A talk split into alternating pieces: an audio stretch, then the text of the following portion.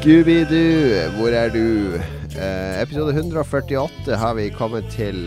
Det er eh, et nazistisk tall, har jeg lest. Kan ikke det stemme, kjære kompanjong Lars Rikard Olsen? Det må være et nytt rasistisk tall for min del. Et hull i min oppdragelse. det, det hender det dukker opp sånn eh, at du må ikke bruke det tallet, må ikke bruke det tallet, fordi det betyr at du er nazist. Det er 1488. 1488, ok, så vi har fortsatt 1008 episoder på oss før vi kommer til det tallet. Mm. Vi har litt å gå på. Ja, nei, men det var betryggende. Velkommen. Nei, 1008 var helt feil regning. 1400 og et eller annet. Ja. Glem det. Velkommen til 1300. Nordbua, episode 148. Nazifri episode, for en gangs skyld, holdt jeg på å si. Jon Cato heter jeg. Med meg har jeg Ubersturmbahnfører Lars Rikard Olsen og korporal Magnus Tellefsen. Um, vi er tre muntre karer uh, som sitter og jatter skit hver uke. Uh, nå er det litt sånn busy uke. Vi spiller inn veldig tidlig denne uka fordi jeg skal til uh, United States of America. Jeg skal bort og, og se Føle på åssen tingene er der borte nå som Donald har blitt president. Eh, så jeg reiser nå om et par dager. Så Mm. Så Du slipper ikke inn. jeg Jeg blir borte sånn her i 10-11 dager. Eh, hvordan skal vi eh, kjøre dere solo mens jeg er der? Jeg tenkte å ta opp litt sånn eh, intervjuer sånn der borte. Skulle ikke du kjøpe deg en eh, Du skulle kjøpe en sånn fancy opptaker, stemmer det, eller har du Ja, jeg tenker på det, men herregud for en dårlig Nå går vi rett inn i det der uh, produksjonsmøtet. Produksjonsbua. Vi har ikke engang, vi har ikke engang begynt. Vi trenger deg, Cato. Vi kan ha deg som onkel Reisende Mac i USA neste gang, der du uh, sender oss innslag. Så kan, uh, kan vi spille inn, og så kan vi ha innslag med deg underveis. Jeg skal se hva jeg får til. Etter, etter noen whisky her eh, forrige helg, så sendte jeg sånn her eh, mail til managementet til Puya Tribe for å høre om jeg kunne intervjue dem på podkasten. Jeg har ikke fått svar ennå. Så, så, eh, så hvem hvem vet, kanskje dukker det opp et skup. Jeg skal sende over alt jeg tar opp, i hvert fall, så får dere gjøre med det hva dere vil. Alle må sjekke ut hva Buya Tribe er for noe. Oh yeah.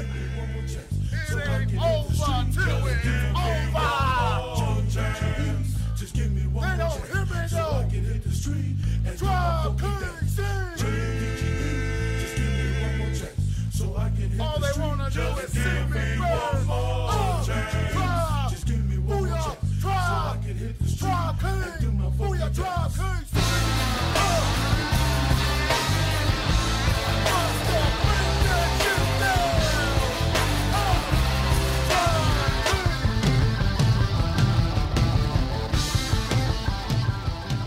Beste band i verden. Ellers skal vi ta kjapt om det har skjedd noe i livene våre i det siste. Jeg var nemlig på lørdag jeg var oppe på Blindern og var med i en profesjonell kortfilm der jeg spiller Oi. en forfatter uh, som blir TV-intervjua. Uh, Ja. det, var, det var veldig moro. Måtte lære meg replikker og eh, Mm. jeg har, jo, jeg har jo hatt en rolle i Hotell Cæsar, da. Så det, det var min meritt for å få denne rollen. Når du sier profesjonell, fikk du betalt da, eller hvordan er det? Fikk Hva sa de? Fikk du betalt siden du sier det var profesjonell kortfilm? Å ja, nei, det er jo det er en- det en student fra Westerdal som står for lyden, og så er det eh, vår venn eh, Martin Bergersen, som er ofte er på quizen vår, og som har vært involvert med Fritt Ord, og, og skribent og journalist og sånn, som har vært med på, på manus og produksjonssida og sånn. Ehm, jeg må gå og ta en unge. OK, vi får ta en liten pause. En liten pause i Kato's Yes. Catos fortelling. Barnepause. Ja vel. Men eh, jeg tenkte Jeg skulle ikke si det mens Jon Cato var her, men det var litt sånn lite lavenergiåpning. Er du litt enig? Det var sånn Ja ja, hallo. Ja, Scooby-Doo, whatever. Whoopity-woo. Får veldig lyst til å høre Høre Ja, liksom på det var, det var blodfattig. Var blodfattig. Vi kan um, Skal vi kreve en ny innspilling av, av introen? Vi kan lage en egen intro mens Jon Cato er borte, for Ja. Ja. Du, du har aldri gjort introen? Nei, men jeg er kjempedårlig på det. Det er jo derfor jeg aldri gjør det. Fordi at uh, Det er bare å rope, eller være litt mer entusiastisk. Hva Jeg vil- hva- fins jo ikke entusiastisk, Lars. Jeg bare snakker Hvordan- høyt. Hva, hva ville din drømmeåpning vært hvis du skulle få noen andre til å lage den? da? Hvis du skulle høre på en Det er et godt spørsmål. mm, Drømmeåpninga, altså eh, Ja Jeg vet at eh, At vi har ennå ikke hatt en wrestling-åpning som jeg tror vår eier Jostein Hakestad hadde satt pris på, f.eks. Tror du ikke det? er, det, er det sånn at man er veldig sint og krangler? Nei, men med en sånn announcer. Eh, Ah, det hadde vi jo på episode 100, må du huske. Så ja, det hadde, vi, det hadde vi faktisk. Jo, jo, jeg husker Ja. den delen. Yeah. Vi tok bare en pause da du stakk, eh, Johnny. Ja, Johnny Boy. ja. A little var vi break. Eh, du skulle Du drev og fortalte om den der innspillinga di. Filminnspillinga di.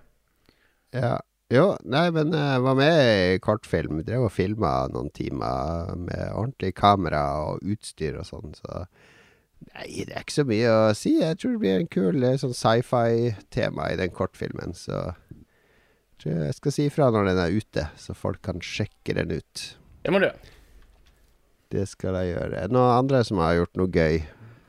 Men det er litt sånn low energy-sending, det her. For introen din Jon, var jo skikkelig low-key. Ja, den var og slapp. så- Den så Jeg skal gire det opp. Jeg skal gire det opp. Vi, eh, vi spiller vi, Magnus, vi, har du noe ekstremt eh, Noe som girer det hele opp, som du kan dele, da? Absolutt ikke. På Kom ingen igjen. måte. Level up, da. Kom igjen. Nei, opp, opp, opp, Ingen- Nei, hva skulle det vært? Raise the roof. Jeg har, eh, jeg har brukt de siste dagene på å lage mat. Lagd dødsmye mat. Å, herregud. Og vi spiller litt musikk, og så kommer vi tilbake og var det til jeg å snakke om hva vi har spilt i det siste. Ok.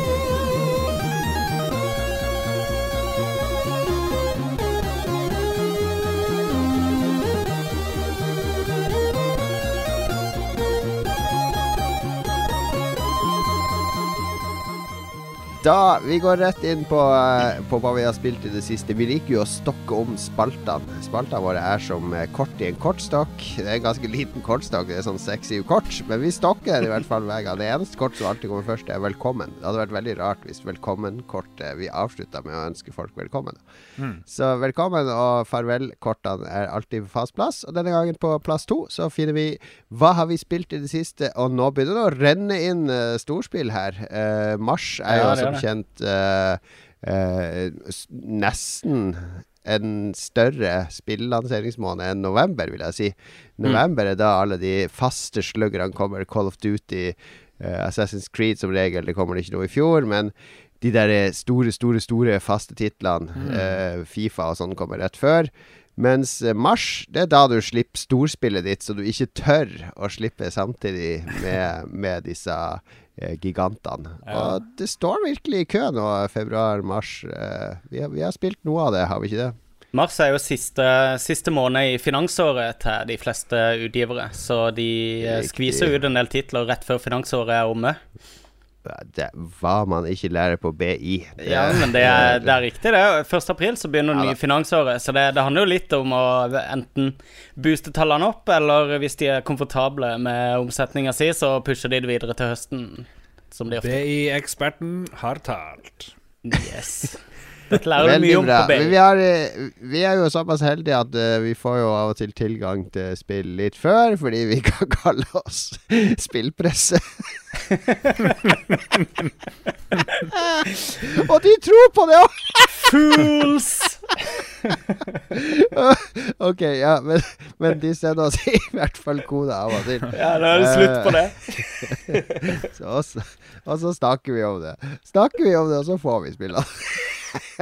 så, så enkelt er det litt. Det er bare å, det er bare å ringe. Du er han der, du er han der spanske fyren de driver og setter ny tekst på. Det, ja. Han er morsom. Ja. Han er morsom. Han spanske, det er vel noe tyrkisk eller noe Ja, sånt? det tyrkisk, ja. Det, de ligner. De ligner. For meg så er alle spansk. Han skifter du er ja. jo vår eh, eh, Vår mann i Xbox-land, så du har jo kasta deg over. Du er ikke noe RTS-spiller, altså sanntidsstrategispiller. Eh, men likevel så er du litt intrigued av Halo Wars 2, som kommer nå i disse dager. Som, som jo er sånn spin-off fra Halo-serien, der du bygger baser ja, og styrker. Uh, Halo Wars er jo en litt sånn der eh, Kan kanskje si Det er en veldig sånn konsollvennlig, eller neddumma, som det heter for PC-folket, uh, RTS-tittel. Som er kul nok uh, sånn, for de som, sånne som meg, og, eh, og Lars også, eh, regner jeg med, som eh, ikke har peiling på realtime strategy-spill, så, så er det et kult spill å begynne med. Det er enkle mekanismer og ikke så veldig mye å holde styr på, uh, selv om du har liksom basebygging og ressurssanking og sånne ting. Så er det liksom Det, det er fokusert rundt kamper og, og action og, og en imponerende historie, må jeg si. Det er vel det som har eh, Som holdt meg overraskende lenge i spillet, var at eh, de har henta inn en ganske kul eh, bad guy i eh, Halo Wars 2. Eh, grafikken er ganske pen. Eh, kontrolloppsettet er eh, ryddig og oversiktlig. Du eh, Det er litt plagsomt å ikke ha mus og keyboard, da. Er det ikke det? Ja. Sånn. Jo, men jeg, jeg syns at eh, de har liksom mappa veldig mange funksjoner inn på kontrolleren på en ganske intuitiv måte, som gjør at eh, etter litt prøving og feiling, så, så setter det seg, og eh, det setter seg greit i ryggmarga, da. Meg og, eh, meg og Lars eh, satte jo i gang og, og spilte coop på dette spillet, og eh, jeg må si jeg hadde det dødsgøy når vi spilte coop på det. Eh, Ja. Og jeg, jeg så veldig mye potensial i det også, med at en kan Altså, en ting jeg sliter med i real time strategy-spill, det er jo dette her med å holde styr på alt, ikke sant? Og liksom mm. Å drive med mer enn én ting av gangen sliter jeg med i sånne spill. Så hvis ikke, hvis ikke mine units er på skjermen, så har jeg helt mista kontrollen over det. Og når vi spiller coop, da, så kan vi, så kan vi avtale at OK, du går inn og flanker fra venstresida, mens mine tropper går inn fra høyresida, og, ikke sant, og fucker ting opp. Um, jeg tror ikke det var den beste taktikken, egentlig, der. Eh, Nei, men det var, men, eh, det var gøy å prøve. Det Hvis vi hadde spilt en time eller to til, så tror jeg nok det hadde satt seg greit. Men, men det var Men er det ikke sånn der kryssplattform til Vind eh, 10 òg? Jo, men den var, ikke- den var kobla opp da vi spilte sammen. Den Nei, ble åpna For da kan du vel bruke mus og, og tastatur? Ja, ja, ja. Men, Men du som er så dyktig å lage mat, kan ikke du bare tenke på RTS-spill som at du lager mat? Eh, Jo. Du sitter jo ikke og ser på poteten koke i en time før du begynner å hakke grønnsaker. Du klarer liksom er å multitaske der. Kanskje vi skal Jo. overføre det tankesettet til krigen? du sier noe der. Som Napoleon sa, tenk på krig som en Ja, hvor tror du napoleonskake kommer fra? Det var der på kjøkkenet han, eh, han utbroderte alle sine taktikker. Yes, det er helt riktig. Um, jo da, nei, du har helt rett. eh, og du kan si eh, Da Command Conquer-serien kom, så hoppa jeg litt av sjangeren. Jeg hadde en lillebror som var eller som fremdeles er, eh, nesten syv år yngre enn meg. Det var mye mer på den tida, og han Du hoppa av sjangeren når den begynte, omtrent. For det var jo det Ja, var ja. ikke så mye før Command and Conquer. Ting var at Dune. min lillebror rula i Command Conquer og alle de spillene, og Dune, eller Dune-spillene. Eh, Dune 2 var det vel. Og, Ja, eh, ja. Og jeg sugde i det, og da bare interessen bare ramla med en gang. Så Det er forståelig. Men er dette noe Fordi nå sitter jo Xbox-spillerne og griner i et hjørne. De sitter og ser på Nio, de sitter og ser på Ja. På Horizon Zero Dawn, de sitter og ser på Nier. De sitter og ser på alle disse Sony-spillene som nå bare eh, plumper ut. Og så ser de OK, et RTS-spill, er det noe jeg skal spille? Hadde, du- vil du si Ja, men det, det er RTS, men, men du, liker du Halo, så kommer du faktisk til å, å like det her. ja, eh, akkurat det Hvis du sa du der. liker Eh, RTS, hvis du liker RTS, da, vel å merke. Det er jo ikke sånn at det magisk er bra. men det er jo ikke, det er jo ikke, et, det er jo ikke et dypt RTS-spill. Uh, men hvis du Kul historie, da. Ja. Det Ja. var det jeg likte noe av det beste. Pluss de her apekattene. Plutselig blir det jo Planet of the Apes. eh, Ja, skikkelig. What? ja. Five months ago, the portal from the Ark to Earth shut down without warning. A month later, he arrived. He? The brute. Their leader. His name is Atriox. During the war, the Covenant used his clan as expendable muscle. Told them dying in battle would speed their holy journey. Forty at a time, they carelessly sent them in. Forty to break the front lines. Forty to die for beliefs not their own. None never returned. Until he did. Fienden er jo en sånn svær gorillagreie. De har, de har henta inn en bad guy fra, fra bøkene, tror jeg det. Uh, som Han har bare vært nevnt bitte grann andre steder. Uh, en som har lagt seg ut mot Covenant og mot uh, eh, Master Chief og gjengen. Eh, og liksom er fine med alle og uovervinnelig, supersterk og har liksom etablert sin egen sånn outcast-koloni som du fighter mot. Og de er superkraftige i begynnelsen, i hvert fall. Får skikkelig grisehjuling. Så har jeg introdusert en ny Cortana og Men eh, veldig bra historiefortelling. Ja, jeg tror det holder nå, fordi Ja, ja. eh, jeg tror det er mange som er litt sånn eh, med til RTS og tenker ok, nå har de snakka nok om det Halo Wars. Ja, men Eh, du må huske, det slippes jo ikke RTS-er lenger. Det er jo en, det er jo en tilnærma død sjanger, så Uh, Ja, det er for spesielt interesserte, Ja. men, uh, men det kommer jo litt på PC. Men ikke sånn voldsomt mye. 90-tallet så ramla det jo ut. Jeg har en stor overraskelse til deg, Magnus. Eh, Ja. Fordi vi holdt jo på Eller det gikk jo galt i forrige uke, men jeg vet ikke om alle fikk det med seg. Så, og kanskje ikke Microsoft fikk det med seg, fordi vi begynte jo å bryte eh, embargoen flere ganger. ja. Men jeg tok jo opp det du sa, så nå trykker jeg på play-knappen, så nå blir det å sende det her til Microsoft som bevis for at du brøyt uh, embargo i forrige uke. Men Hallo, mitt navn er Magnus Tellefsen. The Covenant. De angriper, og så kommer det en apekatt som heter Julius, tror jeg. Nå har vi brukt nok tid på, på, på dette spillet, det men uh, ja. Takk, takk Magnus for at du testa Halo Wars 2 for oss. I Tar en for laget. Um, uh, Lars, er det Du har Mm. spilt Du er jo helt forelska i dette spillet Nio fra Japan. Hei. Hei, Doso. Det er fortsatt det det går i. Jeg måtte spille litt uh, Forza Horizon i tillegg, men det har gått mest i Nio, fordi det, ja, når jeg spiller litt uh, Forza, så blir jeg lei av å springe rundt. Det er altfor lett. Krever en utfordring. Det er ingen som skjønner hva du snakker om nå, fordi du skal du er, den- spøken har utspilt seg nå. Det at du det kaller Hva? Horizon Zero Dawn for Forza Horizon Zero Dawn. Det er jo prequelen til Forza Horizon-serien. Så skal du bygge veier, men det kan du fortelle om, Jon. som skal Ja, jeg kan fortelle om om, det. eh, Skal du fortelle noe mer om Nio? Har det enda bedre? Blir jeg kutta av så fort her? Uh, nei, det Nio blir eh, bedre, og så blir det litt lettere, syns jeg. Jeg har gjort ferdig absolutt alt på den første øya, for det er liksom masse ulike områder. Du begynner i Kyushu, og så går du videre til en annen del av Japan, og der er det Kan jeg plutselig gå rundt og være litt sånn careless, og det er jo både bra og dårlig, fordi vanskelighetsgraden i Dark Souls og Bloodborne er jo sinnssykt mye høyere, syns jeg, enn i det her Nio. Så det jekkes litt ned, og litt mer arcady, men samtidig veldig vanskelig. Men treffer mye folk, plukker opp masse utstyr og lære meg nye ting. det er, egentlig, det er egentlig bare bossene som er vanskelig. Resten Ja. er mer bare sånn hack and slash. Ja. Eh, Ja. løse seg gjennom. Ja, både ja og nei. Det spørs jo hvis du havner i et område hvor det plutselig rampes opp. Det kommer en ny vari variasjon av den der kjempestore fienden, eller de der med horn og som er litt sånn der eh, typisk japansk demoner. Det kommer plutselig en kar med en sånn lang tunge, så da må du lære deg et nye måter å drepe han på. da. Men eh, jeg syns det er flott. Begynte å eksperimentere med crafting. Jeg syns jo det ble litt lite crafting i, eh, i Forza Horizon, men så eh, kan jeg liksom få utløp for den greia i det her Nio, hvor det er altfor mye crafting, egentlig. Men jeg klarer akkurat å holde meg innenfor.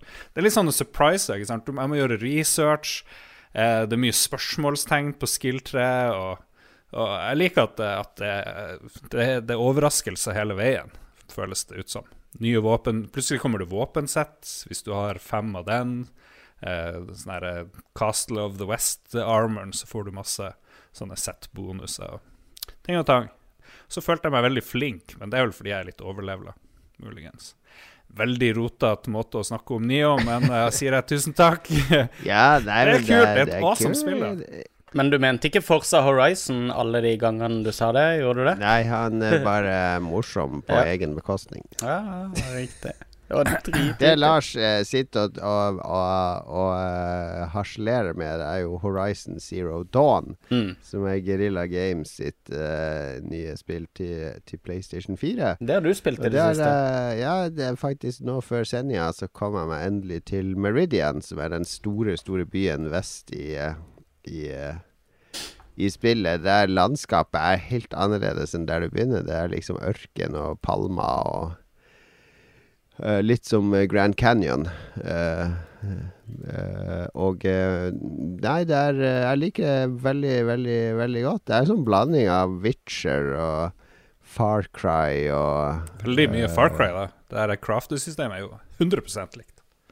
Eh, ja og nei. Det er jo ikke Eller du har jo Ja. sånn add-ons til våpen, f.eks., og rustning, som booster forskjellige elementer og sånne ting.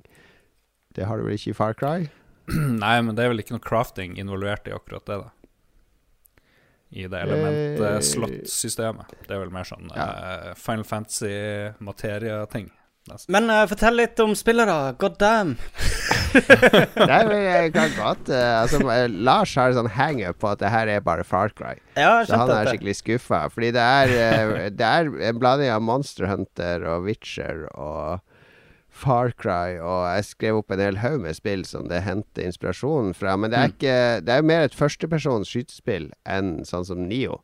Nio er sånn lock-on actionspill der du låser på en fiende, og så taster du inn noen komboer, og så blokker du riktig og dodger riktig, og så ser det veldig bra ut. Det, at du trykker trekant, trekant eh, Firkant, firkant, trekant, og så sidestepper. Det ser, det ser smooth ut. Men det er det, det, det krever jo selvfølgelig litt skill òg, men her er det mer sånn her OK, her er de, sånn ser landskapet ut. Skal jeg gå på åsen her? Skal jeg snike meg inn i busken der? Skal jeg bruke den buen, eller skal jeg bruke den slynga? Skal jeg sette ut en felle her? Skal jeg prøve å lokke han store der bort fra de andre? Skal jeg ta over kontrollen på han lille der, og så sende han inn blant de andre, sånn at de angriper han, så kan jeg løpe rundt? Det er mer sånne dynamiske, åpne kamper. Og så kan, altså, du låser deg ikke på fiender, akkurat som i Monster Hunter, så du må liksom sikte sjøl. Så du kan uh, slowe ned tid med en, en power, eller du kan uh, Ja. Er, du har masse ting å leke deg med. Så det er mer sånn førstepersons skytespill når du skal ta fiendene, med en masse taktikkeri og gadgets. Men uh, hva er settinga? Er det, er det postapokalypse, eller Ja, det er liksom Maskinene har tatt over jorda, da. Og Ja. har menneskene lever i sånne stammer. Eller du begynner jo i en sånn veldig religiøs stamme, da, som tilber moder jord og, og, og mener at man, man skal ikke ha noe med de maskinene å gjøre, de skal bare drepe, så man må ikke bruke teknologi og sånn. Hmm. Og, og verden er dritpen, da. Og utrolig Ja. mye steder å utforske og finne. Og, og du kan finne masse bakhistorier til de forskjellige områdene, og sånne logger som ligger her og der, og utkikkspunkt der du får se bilder av hvordan eh, Et hologram av hvordan det så ut der i gamle dager, når menneskene eh, dominerte over maskinene. Så det er sånn militærbase her og sånn Disse robotene, er det sånn der beep, boop, boop, beep eh, roboter, eller er det, har de sånn menneskepersonlighet? Nei, de er jo veldig sånn rare roboter. De går liksom rundt og gresser. og sånn. De, de oppfører seg som dyr, da. Men alle har sånne forskjellige svake punkter, da. Så du kan, hvis du klarer å skyte av eh, f.eks. rakettkasteren til han ene, så kan han ikke skyte raketter på deg. Uh, hvis du klarer å skyte av eh, ja, er masse sylindere og dings og dang, sånne svake punkter. Så du kan eh, lamme de, paralysere de, eller eh, ja, eh, fucke litt med de før for å gjøre det lettere i kamp. Så du har det, Jeg liker at det er masse options, det er masse muligheter. Uh, Men er, er alle robotene sånn firbeinte uh, ja, du har noe sånn uh, skorpionaktig Alle ligner Ja. litt på dyr. Men åssen Ja. Konstruerer de hverandre, da? Hvis ingen har hender, eller Ja, det, det er jo Skal du ha noen spoilers? her? Nei, jeg altså, det, er ikke det, jeg ikke det. det er masse sånn undergrunnskomplekser du får tilgang til etter Ah. hvert. Og der er det sånne Det er som slags fabrikker. Jeg har jo spilt det òg, skal jeg si litt hva jeg er. Ja. Uh, jeg likte starten hvor du liksom er en sånn outcast fra den der stammen du tilhører. Og så blir det litt som en sånn young adult-film. Litt sånn her Hunger Games-aktig over det hele. Hvor du må være med i en sånn her konkurranse for å få lov å bli med i triben igjen. Og det er helt OK fortalt, men det er liksom ikke sykt bra manus egentlig på det jeg har sett så langt. Men det duger. Det, det er jo skyhøyt eh, bedre enn noe av det de her Guerrilla Games eh, Ja. noen gang har gjort, for de stinker jo. Vi alle tre var vel ganske kritiske og ikke så veldig full av håp for hvordan det her skulle bli. Ja, det er sant, det. Ja. Og så Ja, nei, manuset, manuset syns jeg utvikler seg ganske bra. Og jeg syns også det hele den greia med religion og disse stammene og denne desperasjonen eh, formidles ganske bra. Så jeg er jo positivt overraska. Ja. Så, så er det litt sånn denne verden Det, det kommer veldig tidlig frem at Eller i introsekvensen så detter du jo ned i et hull, og så begynner du å styre. Og der finner du en sånn artifact som gjør at du, kan, du får en sånn AR-power. Kan interaktere med her, eh, de her robotene litt. Og, og tekniske ting. Og så får du tilgang på lydlogger ganske fort. Og det blir veldig tydelig at lydlogger, eh, eller Å ja, sånn. tekstlogger, hvor de snakker om New Zealand, og de snakker om årstall, og det dras veldig til jorda, hele spillet, med, med en gang. Det, det, jeg hadde skulle ønske at det var et, et univers langt, langt borte. Ikke at det er så veldig viktig, da, men det blir tatt ned på jord, jordnivå. Og det, det er jo et interessant valg, i hvert fall. Så kan man være enig eller uenig i det, da. Mm. Ja, du må strengt tatt være enig hvis du skal spille videre. For Hvis du er uenig, så får du bare slå av og spille noe annet. Så, så, du har ikke mye valg. Nei, men du, man kan jo se en film selv om man er del, uenig i delene, selvfølgelig. Ja. Det går jo fint, den. OK. Det var, det var en morsom, uh, morsom gjennomgang av Forsa Forza Horizon Zero Du Dawn. Slutt å kalle det Det er ikke morsomt lenger. Det er so fun. Men det har en Horizon Zero Dawn. Det høres jo ut som det er lagd på en eller annen sånn tittelfabrikk. Tittelgenerator som har konstruert navnet på det spillet. Det er kanskje den mest forglemmelige spilltittelen i 2017, vil jeg si. Veldig enig. Drittspill. Nei da, jeg syns det er Det er morsomt. Jeg skal musikk spille det videre. musikk nå, karer. Ja, ja, det er musikk.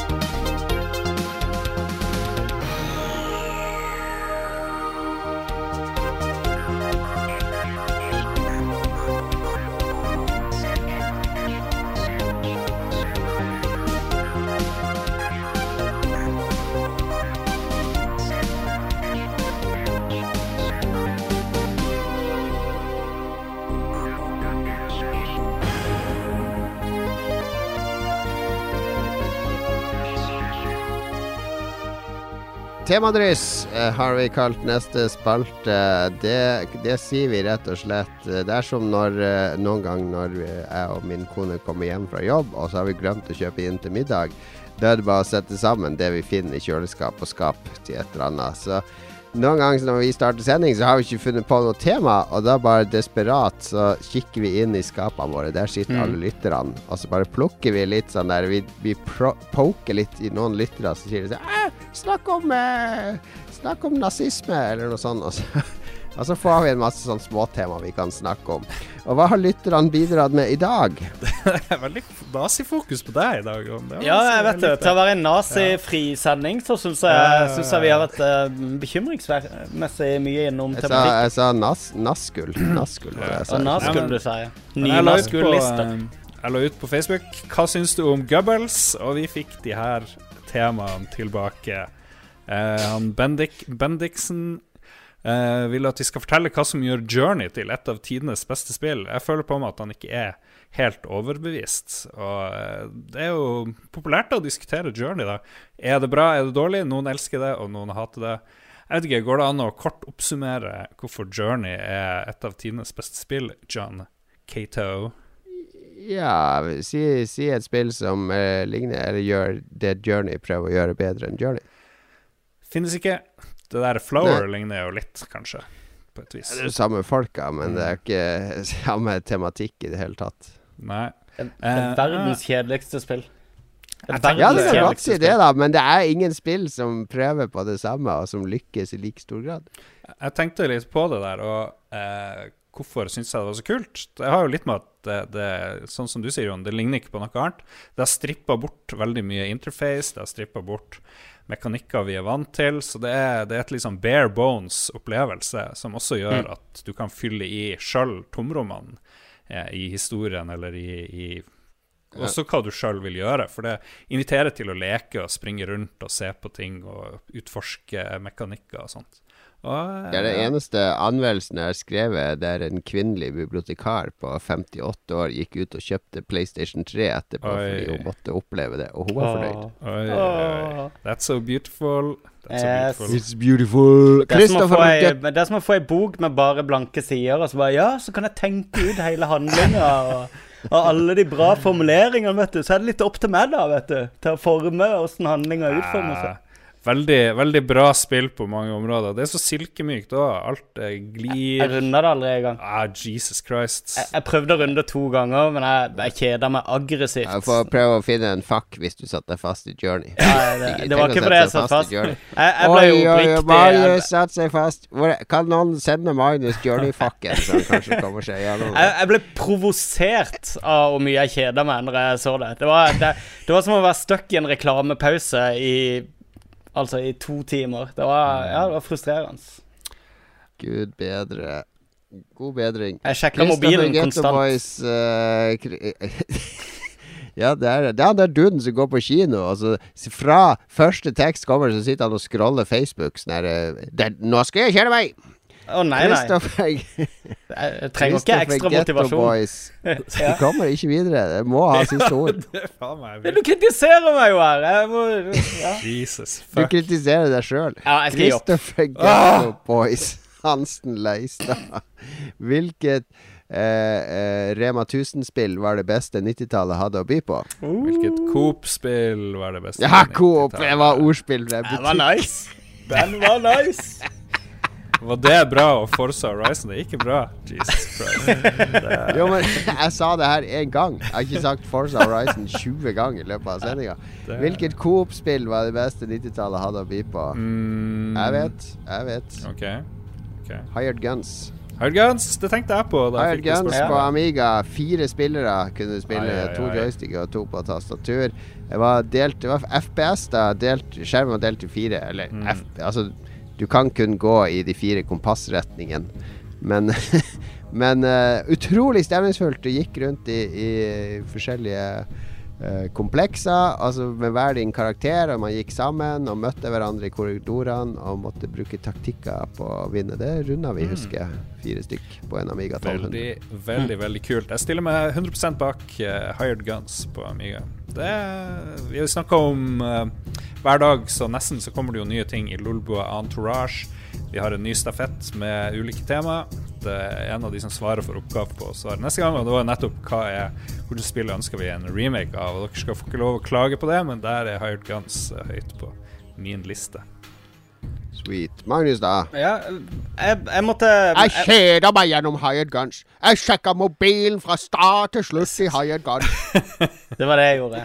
Nei, For meg så var 90-tallet ehm, Altså, jeg, jeg var nødt til å sjekke opp, for jeg spilte en del PlayStation. Så det var liksom konsollen jeg hadde på 90-tallet. Og eh, jeg, jeg fant ikke så mye titler der som jeg faktisk spilte co-op eh, med kompiser på. Jeg spilte noe som heter Herks Adventures, som var ganske bedritent, egentlig. Men eh, 90-tallet for meg var PC-spill, og vi, selv om spillene var egentlig ikke designa for å være co-op, så var pek og klikk-spillene ble spilt uh, Da var vi tre kompiser som runda de sammen konstant. Alle disse LucasArt Adventuresene. Og jeg vil sikkert hente inn type sånn Monkey Island 2. Jeg husker jeg spilte det gjennom eh, sammen med to kompiser, og det var dritgøy.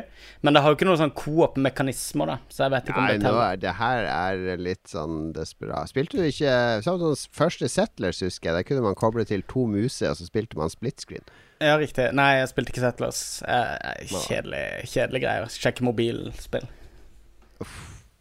Ja, ja. No co-op på Magnus, bare sånn Ikke på eh, 90-tallet, men eh, 2000-tallet spilte jeg en hel haug med Altså det første tiåret. Ja, da må du nesten vente hvis Kristoffer spør om det neste gang. Og så får du 80-tallet anledning til å svare Jeg tenkte jo med en gang så tenkte jeg på Bubble Bubble og Silkworm og disse her. De spilte vi jo i hjel i coop. Men, eh, men 90-tallet er liksom sånn blankt eh, tiår for meg når det kommer til coop. Da var det tilbake til PC og sitte alene og spille. Uh, Nestemann ut, hvem er det? Ja, får han eh, eh, Magnus finne ut av. Ja. Jørn Inge Hægdal um, har bare en spilltittel å nevne. Han sier Starcraft. Jeg regner med det er et svar på hvilket coop-spill på 90-tallet. uh, Nei, hva, hva vi skal snakke om. Men skal vi bare snakke om Starcraft? Ja. Magnus, fem minutter Starcraft, go! Jeg har alle tilleggspakkene til Starcraft. Jeg har uh, ennå til gode å spille gjennom et Starcraft-spill. Jeg har faktisk begynt på to av de opptil flere ganger. På easy, bare for å følge storyen, for jeg syns Blizzard er fantastiske storytellers. Men eh, ja, gameplay-messig, jeg suger på real time strategy, så jeg har eh, veldig lite å tilføre utenom det. Ok. Henrik Olafsen Elmarn, hvis vi var ferdig. Mm. Eh, han sier vi skal snakke om søppeltømming, og der tror jeg jeg deler samme oppfatning som resten av landet. Jeg gir fullstendig F i hva som skjer med søppeltømming i Oslo. Ja, det er ikke bare Oslo. eh, Veireno har levert tjenester utenfor Oslo òg, vet du. Ja, og det er jo, det er jo et større, en større tematikk her, vet du, med, med å bruke private selskaper til å gjøre offentlige tjenester, og det er mye, mye politisk ideologi inne i bildet, det som skjer nå. Så Høres eh, veldig kjedelig ut. interessant i et større perspektiv, men eh, vi trenger ikke snakke om det i Lolbua, syns jeg. Jeg syns det morsomste er at han der, eh, han der Hva heter han? Jon etter et eller annet. Han sjefen for Veireno. Ja. Når de fikk eh, kontrakten, eh, det første han gjorde, var å ta ut 11 millioner i utbytte. Og så For to uker siden så kjøpte han seg en sånn leilighet til 45 millioner på Tjuvholmen i Oslo. Og nå slår han firmaet sitt konkurs. Du får en 40 kvadrat toroms i Oslo for eh, 46 millioner. Nei, men nå snakker du om, eh, om ting som ikke burde vært lov, tenker jeg kanskje. Altså hvordan Definitivt. Hvordan, hvordan skal vi hvordan, Hvorfor har vi tilrettelagt for at folk kan gjøre sånt? Det er jo helt uh, uansvarlig totalt. Og så sitter vi i kommunen igjen og skal ansette Det er jo vi som betaler skatt til Oslo, så nå ansetter hva er det, 130-140 Mm. folk fra dette selskapet. Uh, Ah, nei, jeg klarer ikke, klarer ikke mer søppelprat. Jeg har kjempelyst til å diskutere dette, men vi kan, Nei, vi kan ta det på et senere tidspunkt, eller? Vi tar det Jeg har masse å si her. Ja. Um,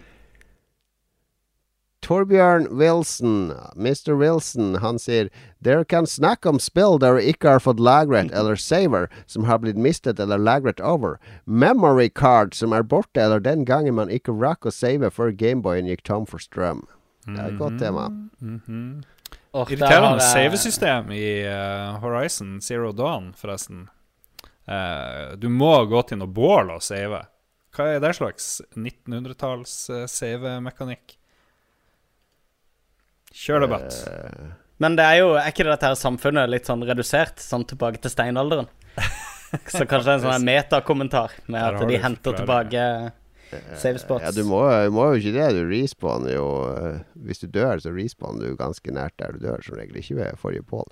Men uh, Jeg vet ikke om, om dere husker på PlayStation 1 så han å kjøpe sånn uoffisielle minnekort som hadde Men jeg, snakket, jeg tok jo frem det eksempelet, Jon fordi hvis jeg springer over halve kartet og ikke går på de her teite bålene, så mister jeg jo alt jeg samla inn av all XP-en min i det her uh, Forsker Horizon. Det Men syns du det er problematisk at du må save underveis? jeg er vant til at du kan quicksave, eller at ting autosave. Ja, I. Witcher, for eksempel. Ja.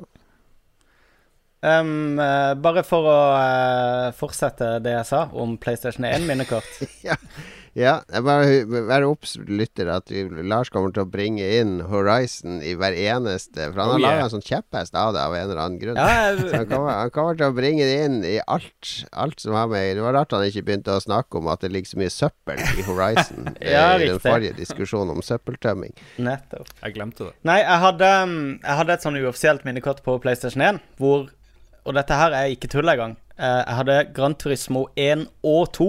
Hadde ett løp igjen på hver av de. Jeg hadde nesten runda begge to. Jeg hadde Final Fantasy 7 helt opp til Sephiroth-fighten, helt i slutten av spillet. Uh, der jeg kun var tilbake for å uh, Jeg skulle levele opp den siste materien for å liksom ta hele Final Fantasy 7 100 uh, og en morgen så sto jeg opp, og da var minnekortet mitt wipa for det. Og det var siste gang jeg kjøpte uoffisielle minnekort. Eh, det anbefales ikke. Jeg mista sikkert jeg vet ikke, 300 timer med spilletid på, på å kjøpe uoffisielt minnekort. Der Så- hører dere. Kjøp aldri uoffisielle minnekort, folkens. Nei, det er ikke verdt det, altså. Fins det uoffisielle minnekort lenger? Jeg tviler jo litt. Jo, det gjør det. Du får kjøpt det Ja, nei, nå lagrer vel de fleste på Det er ikke så mye minnekort lenger. Jeg syns det burde være sånn at hvis du lagrer spillet og ikke spiller igjen innen f.eks. tre uker, så sletter maskinen lagringa di automatisk. Ja, Som fuck det. Men jeg husker jo Steel Battalion. Der um, Ja, er sånn, Det er jo sånn Mac-spill, ikke sant? Så der du er inni den digre roboten. Så hvis du ikke Og da måtte du spille med sånn stor konsoll med to joysticker på, massevis av knapper. Og der er en eject-knapp. Og hvis du ikke rekker å trykke på den før uh, du sprenger Mac-en din, så eh, wiper han savesene dine. Så må du begynne på nytt igjen. Det syns jeg er en kul spillmekanikk. Minnekort var en morsom tid, både på GameCube og, og PlayStation. Det var mye styr da når du måtte ha flere minnekort og Ja. sånn, men uh, ja. Det var det. Uh, her har vi en bra en. Vegard Mudenia spør Synes vi det lages for mye spill. De fleste har jo en backlog som er milevis lang.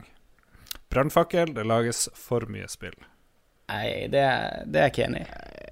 Det skrives ikke for mye bøker. Nei. Altså, du trenger ikke å lese alle bøker som kommer. Lages ikke for mye musikk. filmer.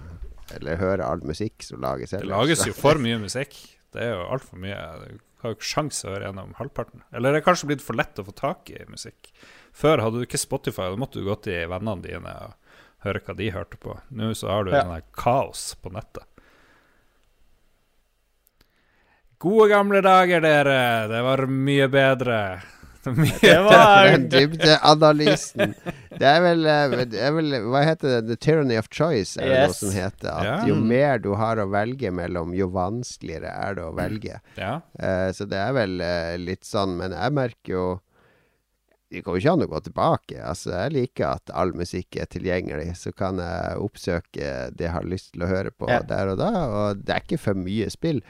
Eh, men det er eh, Det er ikke meninga at du skal spille alle spill, da. Du får bare innfinne deg med det. Altså, jeg tror det mange savner, er jo når du var gamer på 80-tallet, så kunne du ha komplett oversikt over Mm. alt som kom til Commodore 64-en din Mm. uten noe problem, eller til Nes eller whatever. Mens nå så er det liksom What? Har du ikke Xbox, PlayStation og Switch og PC? Ja. Har, spiller du ikke alt som kommer på de? Nei vel, da, da har du ikke kontroll lenger. Det handler mer om det der kontrollbehovet. Mm. Og det kommer mye Altså, det slippes jo veldig mye indie-spill, og det slippes mye sånn early access-spill, og det er jeg enig i. Ja, det blir vanskelig og vanskelig å holde Holde oversikten over alt som slippes, men jeg tror det er mulig å velge seg ut nisjer mye lettere nå enn det det var før i tida.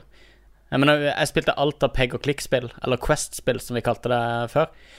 Og det, vi spilte alt som kom, fordi det kom få spill. Jeg vil heller at det skal være en overflod å kunne eh, skumme fløta helt på toppen, enn å måtte sitte og spille Echo Quest 2, som jeg spilte i, i sin tid. Bare for å grusomt, få fiksen min. Det var jo grusomt å være på videoverden i Harstad. Jeg kan jo dessverre ikke anbefale den, for den er lagt ned. Eh, men eh, og det å skulle gå med en gjeng og leie film, og så er det 300 filmer i de her hyllene Det var jo fullstendig umulig å velge et eller annet, og mest sannsynlig valgte du bare et eller annet alle trodde var skikkelig dårlig, for det var morsomt å se på, eller man valgte noe som kanskje var bra, men som mest sannsynlig var elendig. Og så av og til, en sjelden gang, så traff man gull, fordi man kunne ikke Man hadde ikke IMDb back in the days. Det var, det var, jeg husker det var grusomt å leie film.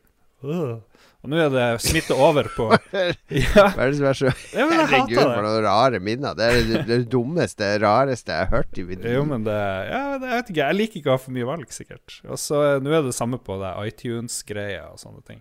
Netflixen er det enklere. Jeg vet ikke, jeg føler jeg har større oversikt eh, der. Og der er det jo gratis. Det er mer det der når du må betale altfor mye valg, og så må du betale for noe. Men glem det, jeg er kanskje bare sær. Vi har et fantastisk spørsmål eh, fra Bjarte Rossehaug. Eh, tykkjer de må vie to minutt til ei pedagogisk stund i podkasten. Hver og en av dykk skal gjeve to stjerner og eit ynske til de andre redaksjonsmedlemmer, som det heter så fint i skolen. Altså uh, Jon Cato, takk. Uh, du skal nevne to positive egenskaper og en egenskap ved personen som er ekstremt irriterende.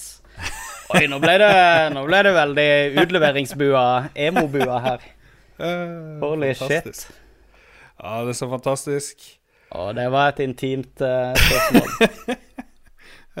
Han Bjarte skrev under at han hadde allerede funnet frem popkorn. Ja, etter dette så er vi maks to igjen i Lolbua. er vi i form til mer konflikt? Skal vi spare det til en annen gang? der? Jeg vet ikke om jeg er klar til å, eh, å rose og rise her. Vi trenger jo, vi kan jo bare tulle det bort, selvfølgelig. Men jeg føler, føler det var Det var litt sånn um, Lage en egen Lolbua om det. Psykologispesial. Så forbereder vi oss. De har må skrevet ned punktene våre på forhånd. Ja. Jeg kan jo røpe med en gang at jeg hater at Jon Cato er nazist. Det er jo et problem jeg bestandig har, som vi tydeligvis fikk se i dag. Jon Cato er Tourettes-nazist. Han vil egentlig ikke snakke om uh, Hitler, men klarer ikke å la være. Så sånn er det. I dag skal vi ikke ha en Hitler-sending.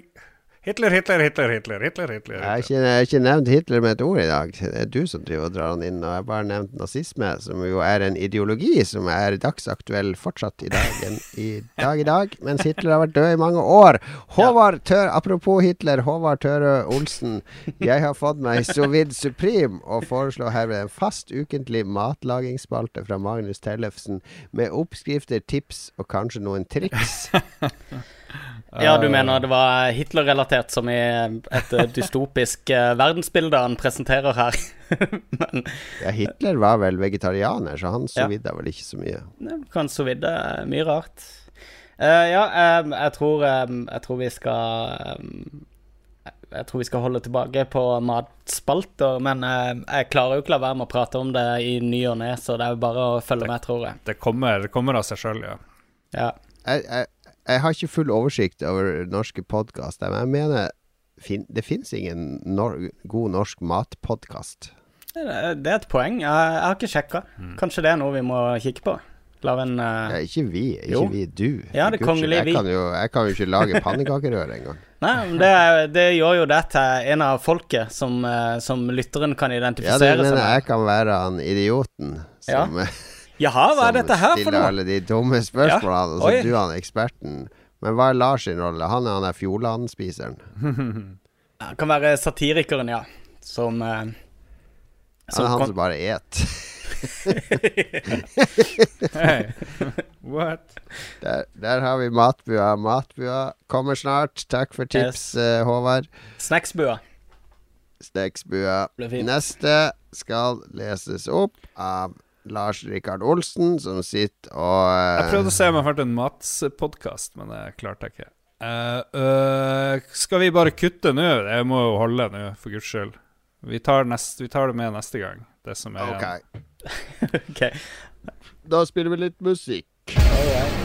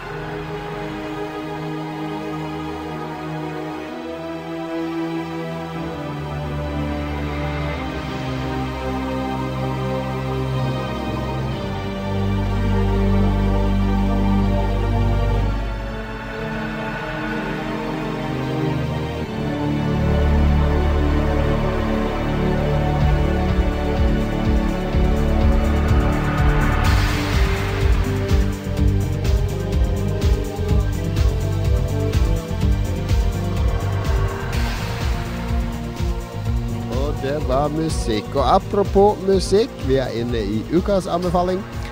Vår misjon i uh, Lolbua i år 2017, dette dystopiske året det er på vei mot full Blade Runner. eh, krise, naturkatastrofer, politisk eh, dystopi osv. Der skal vi anbefale ting. Vi skal bringe varme og glede inn i hverdagen til folk.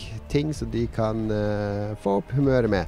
Og eh, det var apropos musikk jeg sa, fordi jeg begynner Jeg kupper starten med en gang. Jeg skal nemlig anbefale litt musikk i ukas anbefaling. Jeg har nemlig gjenoppdaga noe som jeg hørte en del på når jeg jobba på Akersmik, nemlig de såkalte DJ Kicks-utgivelsene. Ja, det var tiår. Ja, Magnus husker sikkert det. For jeg, jeg trodde Jeg kom på DJ Kicks her om dagen, uh, leste om Kruder Dorfmeister eller et eller annet på nettet, og så Ja. kom jeg på den DJ Kicks-plata deres, var veldig bra. Mm. Og jeg tenkte å, DJ Kicks, det var kult. Skal jeg se om du finner noe av de 90-tallsutgivelsene. Og det kommer jo fortsatt tre, fire, fem utgivelser i året med, med dagsferske artister. Ja, ja, ja. DJ Kose kom i fjor. Eh, Fotek, ikke så lenge siden, hadde drum and bass-artisten. Og for de som ikke vet hva DJ Kicks er, det er rett og slett uh, artister, da. Uh, fortrinnsvis elektronikaartister eller DJ-er Ja. som setter sammen et DJ-sett med andre sine låter, og gjerne sine egne remixer på et par av de låtene. Uh, som ba bare er et DJ-sett på en time eller 70 minutter, uh, som er gitt ut på CD. Var Erlend eh, Øye fra Kings of Convenience hadde sin egen Erlend Øye har vært med der. Annie, hun norske, var Ja. der på starten av 2000-tallet. Og det, det fortsetter nå. Den jeg har hørt mest på den siste uka, er jo eh, Fotek, altså drum and bass-artisten Fotek, som har et veldig sånn avslepent, litt sånn ambient Det er ikke drum and bass, men det er veldig mørk elektronika. Eh, veldig stemningsskapende. Ja, til våre Så- yngre lyttere så kan vi si at drum and bass det er på en måte hva dubstep var før år 2000. Det var litt for, forgjengeren til dubstep. Ja. Men eh, eh, Nei, jeg har hørt på den og Kose og flere andre, og eh, det er kvalitetsutgivelser. Det er veldig bra jobbemusikk, reisemusikk. Eh, eh, hele konseptet med DJ Kicks var jo at de skulle det skulle være DJ-sett Mm. for å spille hjemme, ikke ute på klubben, da. Så de er litt mer dratt ned enn de der eh, dansegulvet eh, dunkende DJ-settene. Det er litt mer dratt ned, litt mer avslappa, men ikke helt på det der forferdelige Café Del Mar-nivået, når det blir bare sånn der panfløyte eh, panfløytetekno. Ja, så Så det er ikke det- så generisk. Er, de er veldig forskjellige, de DJ Kicks. eh, Hver utgivelse er ekstremt Ja, forskjellig. en av de nyere er jo med Moody Man, som er full av Ja. jazz og, og mye rare ting. Så, så det, det, det er gullgruve for å oppdage nye artister Mm. og obskure artister og, og band. Så, så ta et dypdykk inn i DJ Kicks. Plukk et par artister og lytt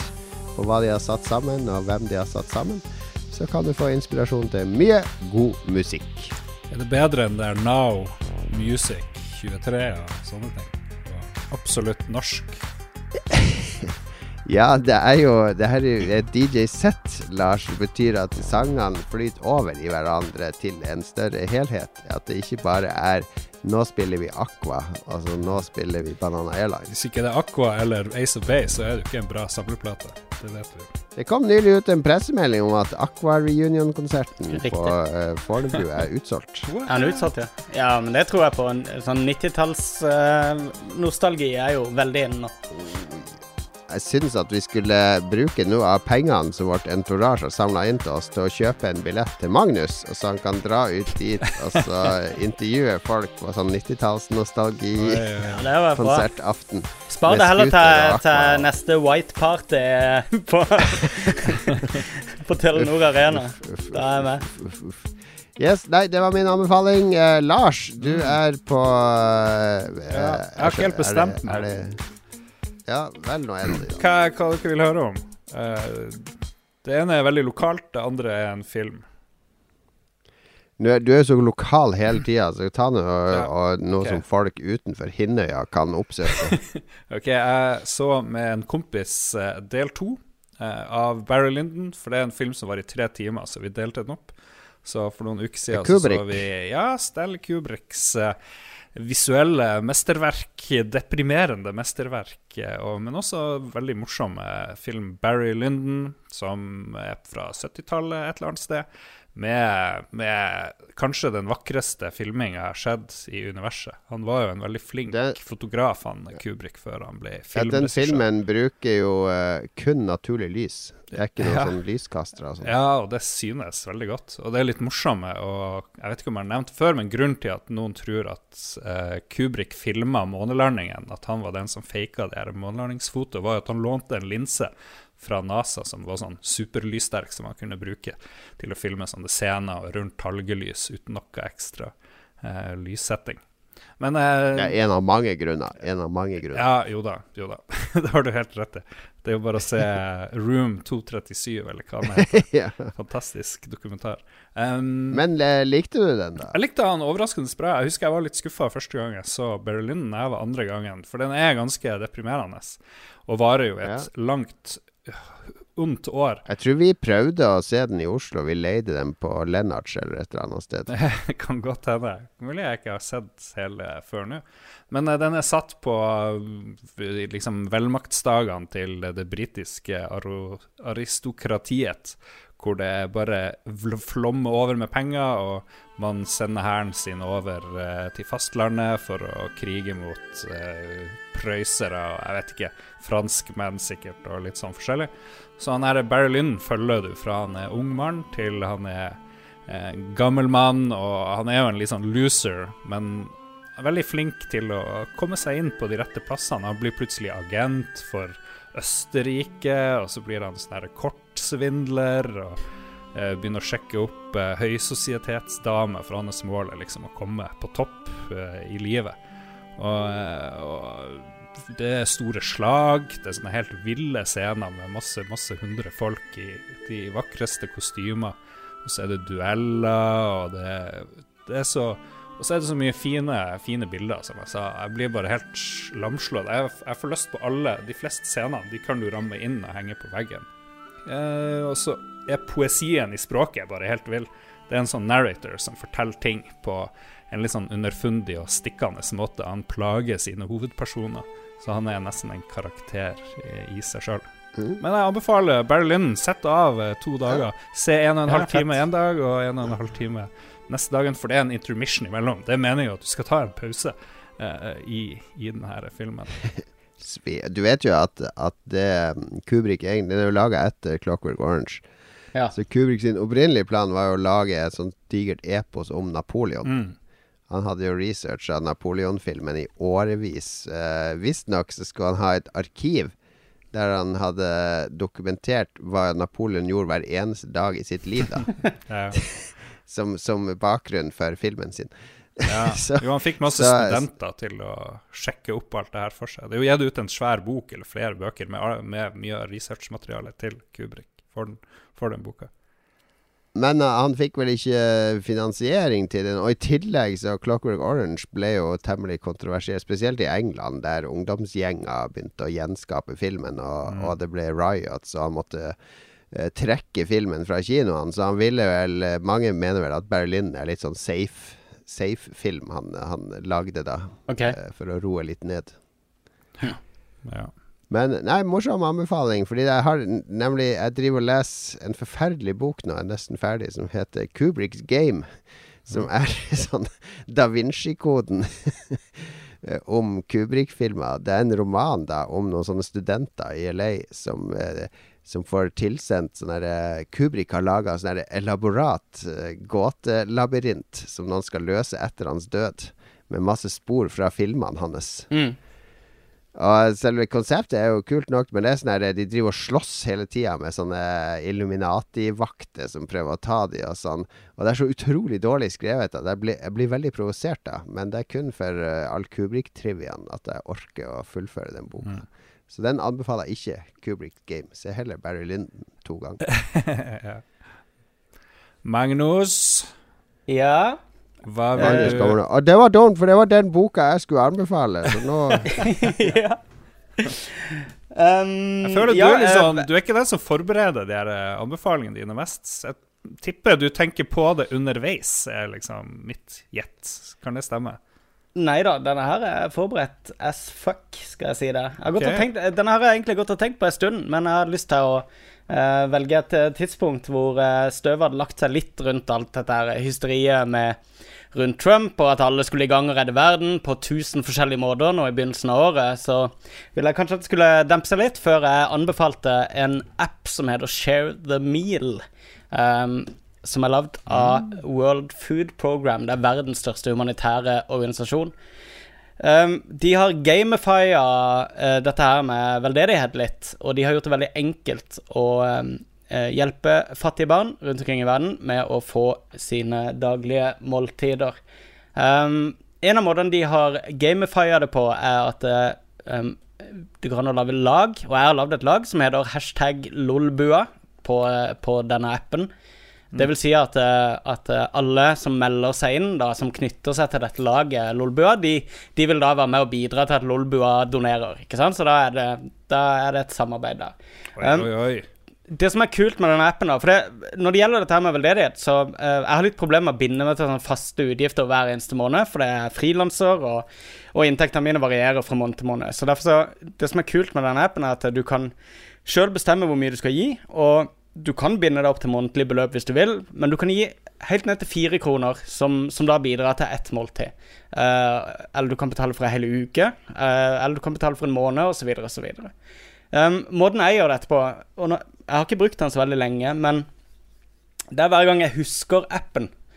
Uh, det er en regel jeg har satt for meg sjøl. Hver gang jeg husker at jeg har den appen, så går jeg inn og trykker på uh, den firekronersknappen. Så gir jeg fire kroner til et eller annet måltid et eller annet sted i verden.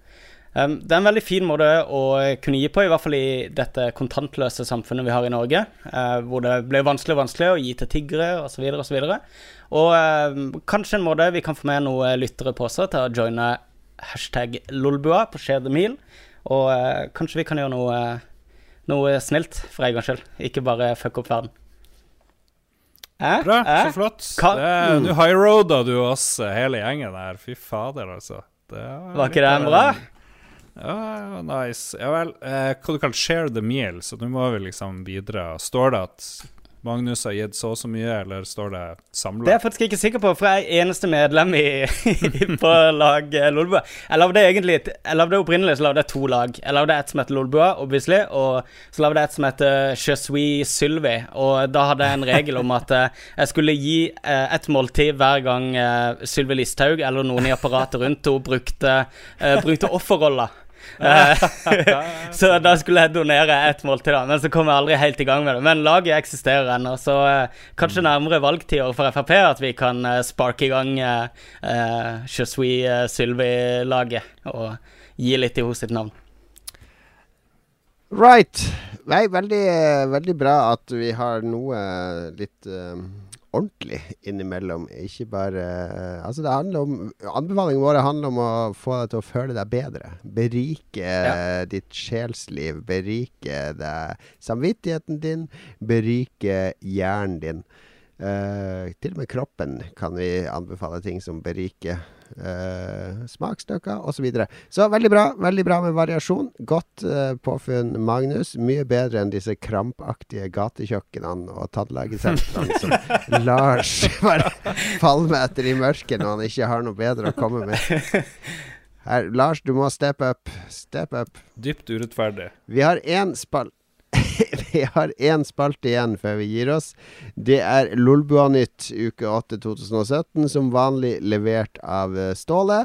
Eh, vi ba han forrige gang om å levere tre ekte saker og en fake news. Vet du om han har gjort det denne gangen, Lars? Eh, jeg har ikke spurt han eh, om han gjorde det, men jeg regner med det. Tipper jo han hører. Jeg tror det. jeg tror det Vi skal i hvert fall uh, spille en trudelutt, og så setter vi direkte over til vårt nyhetsanker Magnus Gelius Tellefsen.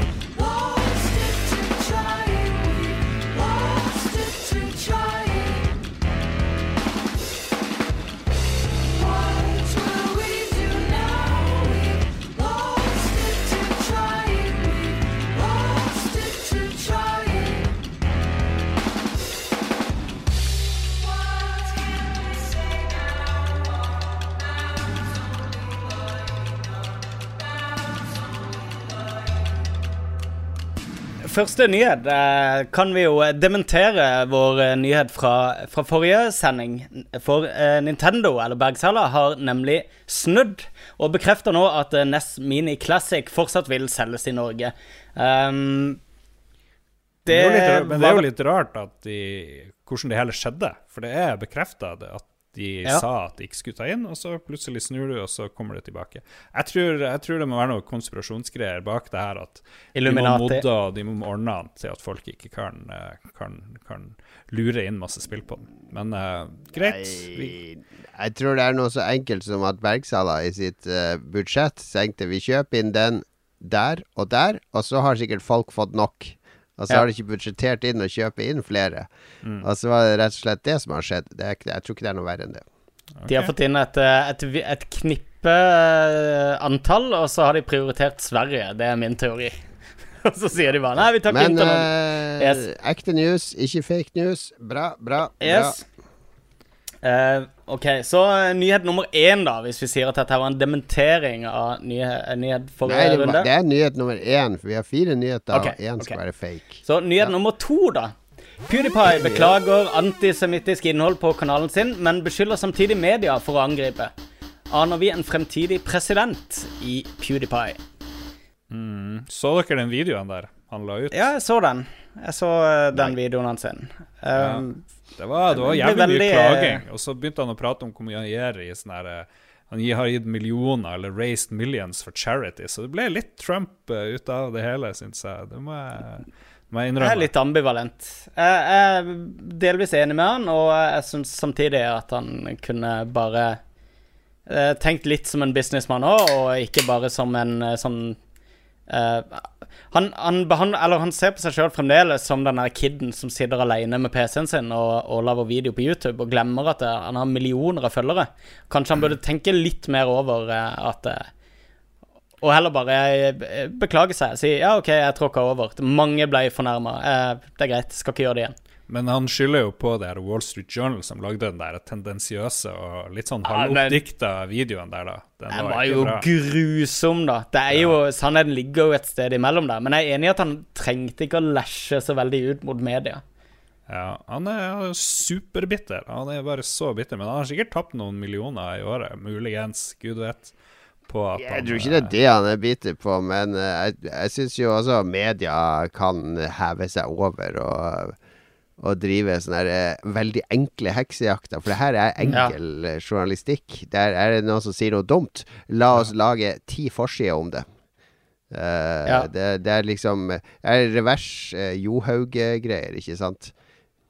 Han har, han har verdens største YouTube-kanal, han, ikke sant? Uh, hva er det han har? 53 millioner følgere, eller noe sånt greier. Og alt media fokuserer på han på, er liksom hvor mye penger han tjener. Og han snakker aldri om pengene sine. Aldri. Det, det er liksom et sånn ikke-tema på hans sin, eh, Ja, kanal. det, men media må ha lov å si ifra. Du, nå går du over streken her. Og så, og så kan han Ja. si ja, sorry, ass. Det fikser opp i det. Ikke lage de der tendensiøse videoene og si det opp og si det ned med La oss, la oss grave oss gjennom alle YouTube-videoer med PewDiePie og se Å, se her, han sa jøde for to år siden, eller han eh, det, det det er, det, det er ikke en sak. Det er ikke sånn som media burde jobbe med. De burde ta tak i det, og så bevege seg videre. La oss finne andre nyheter. Det som gjorde at jeg snudde litt i dette, her var at eh, jeg så denne forsvarstalen hans og tenkte sånn her Ja, OK, jeg skjønner liksom Jeg skjønner hva han prøver å si, og selv om han Han er jo selvfølgelig på si side, så det er jo en litt sånn eh, ensarta eh, tale, da. Men så tenkte jeg for det du, på YouTube så får du jo anbefalt et sånn der, eh, en sånn 10-12 andre videoer av, um, av PewDiePie når du er ferdig med å se denne videoen. Så klikka jeg bare på en vilkårlig en der han snakka om at han hadde farva håret, og den begynte liksom med en femminutters intro med eh, klipp fra andre verdenskrig, med nazister som marsjerte i gatene, og Hitler som holdt taler, og det, eh, det var liksom Så bare Hæ? det var liksom det aller første. Altså, og han var sånn her Jeg bruker aldri Hitler. Jeg bruker aldri andre verdenskrig eller noen ting. Og så jeg klikka på én video, og det var liksom hele introen. den, den videoen har de jo vist frem før. Men jeg synes jeg tror, ikke, jeg tror mange er veldig dårlig forberedt på hva det vil si å bli en sånn så stor kjendis i dag.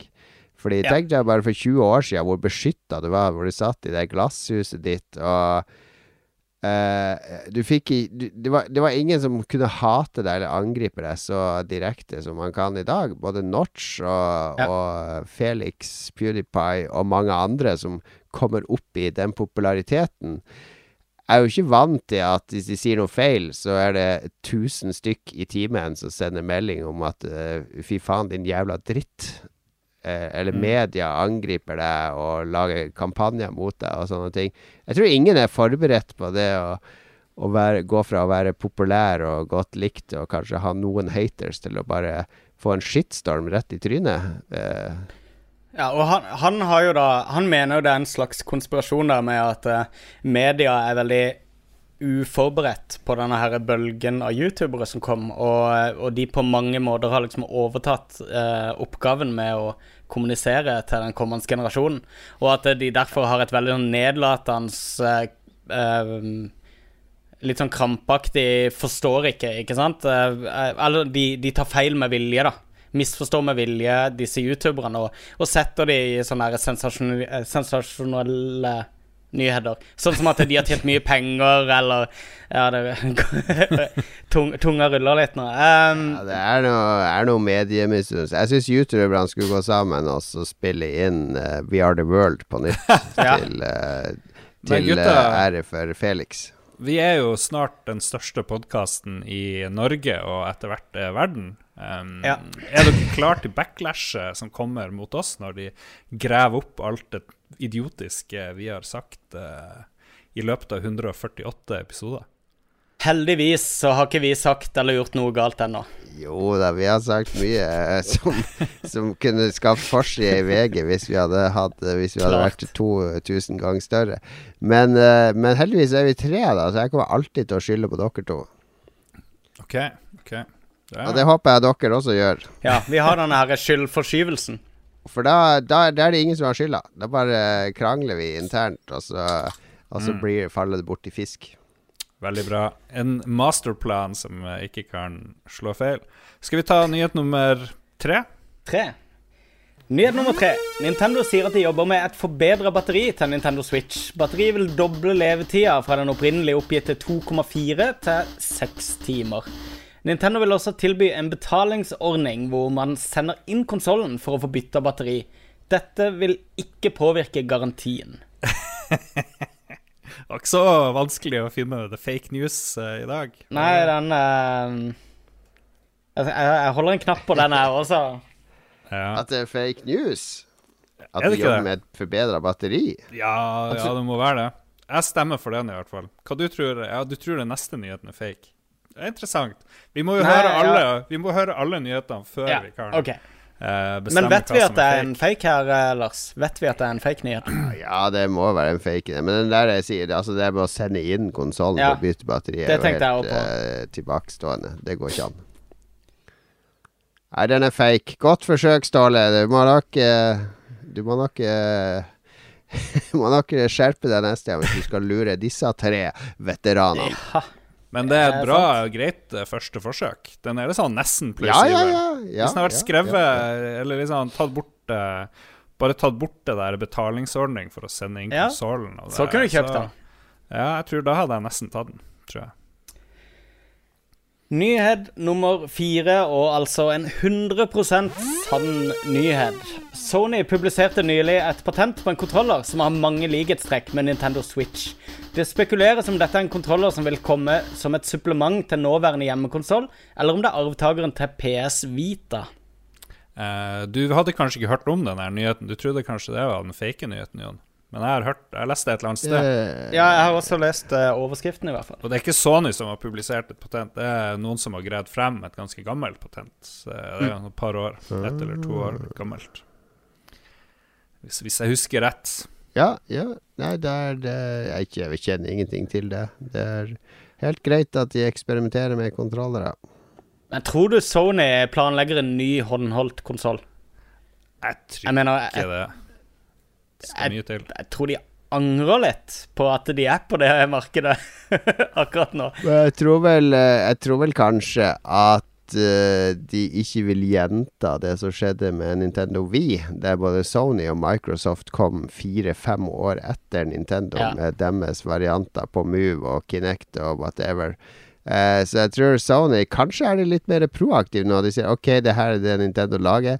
La oss eh, sette av, opp det budsjettet her, og så kan de folka i kjelleren der jobbe med noe som ligner på det her. Så at hvis Switch tar av, så er vi allerede Så har vi liksom en prototype klar, og vi kan sette i gang hjul ganske raskt og, og også komme inn på det her markedet. Mm. Ja. Vil jeg tro. Det er mulig. Det er mulig. Ja vel. Nærmer vi oss slutten? Ja, for guds skyld. For, for God's sakes. Vi har fått på YouTube-chatten Så har vi fått eh, PM fra Give Madeline Back. Help look for little Madeline. Maddie was abducted in 2007. She was just three years old. Please, if you have any information, call 44845838469 now. De holder på Hvorfor ennå leser du og skal finne spam høyt, Lars? Er det spam? nå nå skal vi gå gjennom spam i mailen min og lese litt fra Jo, men jeg tror ikke det er spam. Jeg tror de driver Nei. og styrer på og prøver å finne noen. mm. Yeah. Ja, det er sikkert noen på fredag om uh, en haug med dager til som uh, kan bidra med det når de hører denne podkasten. Så er det også spørsmål om vi kan ha et pre-post-show når Melodi Grand Prix går av stabelen. Uh, Der er. Jon Cato klar, tror jeg. Hadde vært fint, da jeg vet at Jon Cato også er engasjert. oh yes. Jeg, jeg er med på en liveinnspilling under Grand Prix der vi kommenterer låtene og sånn. Kommer ikke du til å ha en fest da, Jon? Er det ikke det litt sånn typisk? Ja, ja, det er så mye styr ofte å få til de festene. Mm. Så Nei, nei, det er godt. Godt forslag. Ja. Eurovision. Det er viktig nå å stå samla i Europa, i det hele verden rakner sammen. Og hvis Eurovision er det som skal samle oss, så so be it. Og med disse visdomsordene så faser vi ut denne episoden. Eh, I motsetning til hva Lars sier, sjekk ut Horizon Zero Dawn når det kommer. Eh, sjekk ut uh, Sovid. Eh, Magnus deler nå ut Sovid-tips på Facebook. Entourage-gruppa vår. Det var jo der som ba om litt tips, så hvis flere har kokkespørsmål, så Magnus eh, står bi. Han Jeg trenger jo ikke være der som en Jeg er jo ikke noen ekspert eller noen konsulent eller noe, men hvis folk har lyst til å diskutere mat i entourage, så er det bare å starte tråder så mye de vil. Bra. Og eh, hvis du lurer på gatekjøkkentips i Harstad, eller eh, gåturer, hva foretrekker du? St. Olavs gate, Seljestadveien eh, eh, Lars kan bistå der. Eh, forresten, Lars, jeg kommer opp med hele familien 4. mai. Vi, blir fem, vi trenger fem sengeplasser. What? Fem sengeplasser. Yes. God. Jeg har jo full familie, for fuck's sake. Det er viktig å ha med i sendinga før vi sier ha det. Hvor mange sengeplasser eh, Og med de ordene så takker vi for oss for denne gangen. Det blir ikke noe sånn superinnspilling av episode 150, kan vi si, for det rekker vi ikke å få til. Men det blir nå på vårparten sommeren. Det blir en stor samling i Oslo for alle våre trofaste lyttere, så følg med. Ha det! Ha det bra.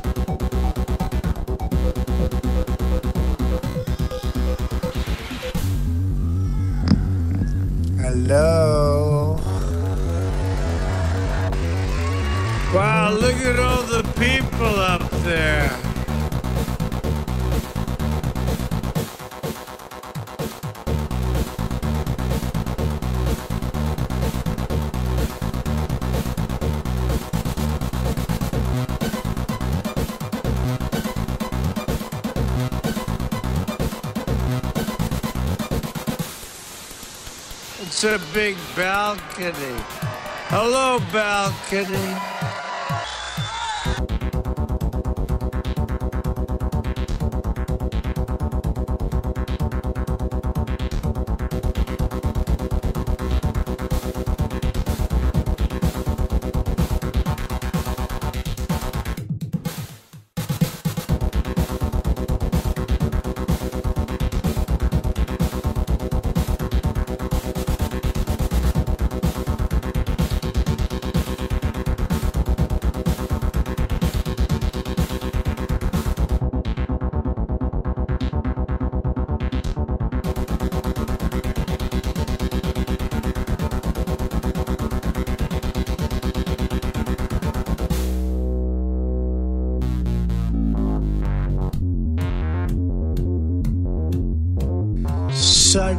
An important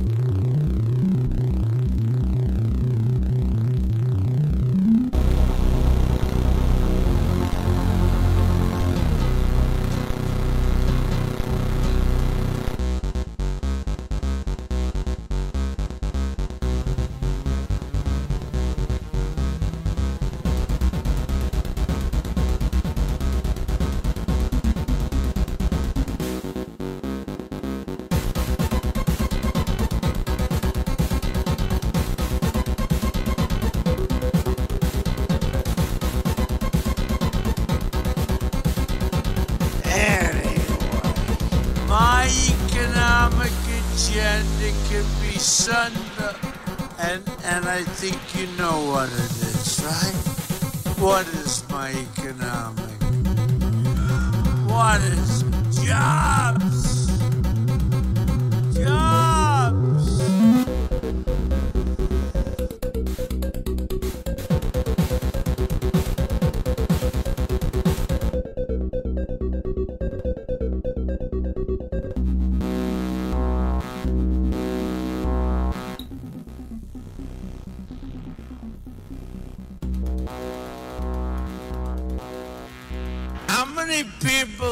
Destroyed an iPhone or a phone with a hammer? Anybody in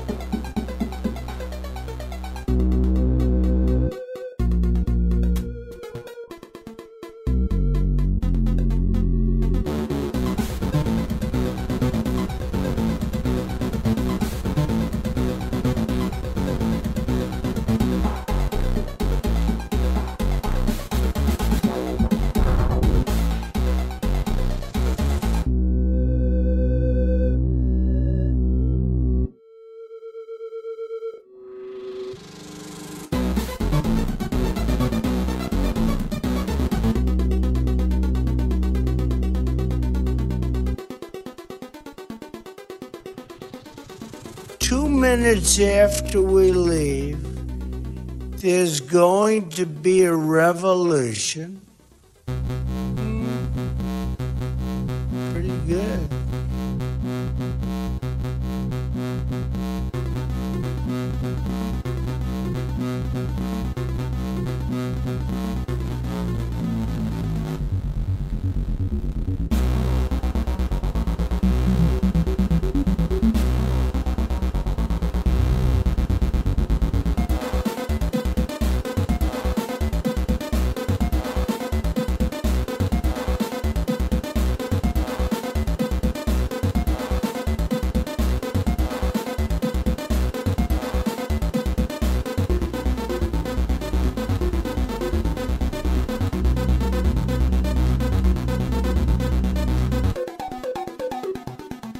You know, she makes it sound like everything's rosy dory. It's not rosy dory, folks.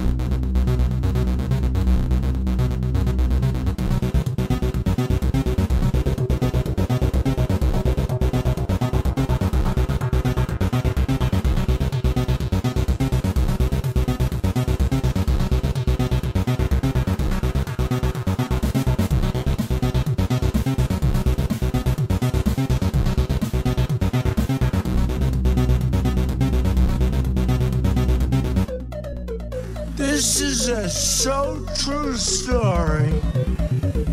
You know what I'm talking about, Paul. What do you have to lose? Choose me. Watch how good we're gonna do together. Watch.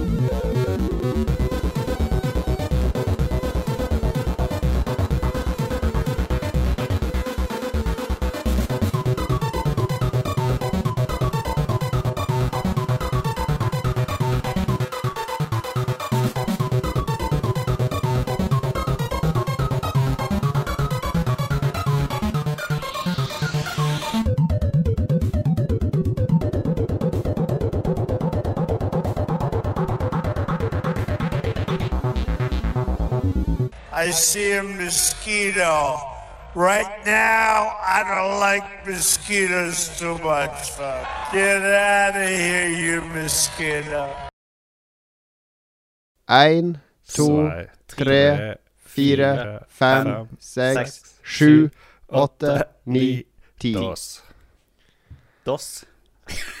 er det ti på nynorsk? Lars er jo komiker, da. Ja. Ja, Sant ja, det. ja. ja, ja. All right, da begynner vi, da. Gud, det, var sendeskjema ja. Bare spør om mamma. Hun syns jeg er dritmorsom. Jeg tror aldri hun har ledd av meg, egentlig. Jeg tenker Er det sant? at det Ikke Jeg har sikkert ledd masse av det, men ikke med det. ikke så mye Ikke med deg det.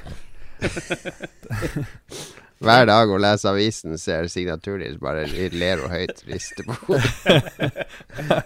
Jeg tror aldri det har vært følt som et poeng å skuffe skulle moderen til å le. Det er jo litt trist. når jeg tenker Det er derfor jeg ikke er komiker. Jeg får min mor til å le hele tida. Ja, Gjør du det? samme her. Mm. Ja. Kanskje det er min, mitt nyttårsforsett. Få mamma til å le. Jeg får også mora til Jon Cato til å le hele Det kan jo være at mora di er litt sånn eh, som sjelden ler, egentlig. Ja Hva er det hun Ja. gapskratter av? Jeg vet ikke. Hun misliker jo Seinfeld. Og eh, så hater hun når jeg så på Excel-TV og sånne ting, husker jeg da jeg var liten. Lik- Kanskje hun liker sånn Leif Juster, eh, mer på det nivået. Sånn revyhumor og sånn. Det er mulig det er mer rasistisk humor hun liker. Syns vi skulle ha mor di som gjest neste snart. Ok, vi kan ha med alle tre mødrene. Ja, vi har snakka om det før. Ja, sånn mødrespesial. Nå var det jo nettopp morsdag her. Det er jo en ypperlig sjanse. Det, det, det morsomme er jo hvis, hvis jeg ikke er med, og mora mi er med i stedet for meg. Og så neste program så er mora til Lars med i stedet for Lars. og så i siste program så er mora til Magnus med i stedet for Magnus. For da kan de to andre spørre om masse om den personen. Å herregud. og få det rett fra kilden. Det her er jo en genial idé. Det her må vi eh, gjennomføre. Det er litt sånn løgndetektor-greie. Det blir eneste gang Magnus hører på episoden i ettertid. yes. Ok, men da begynner vi, da.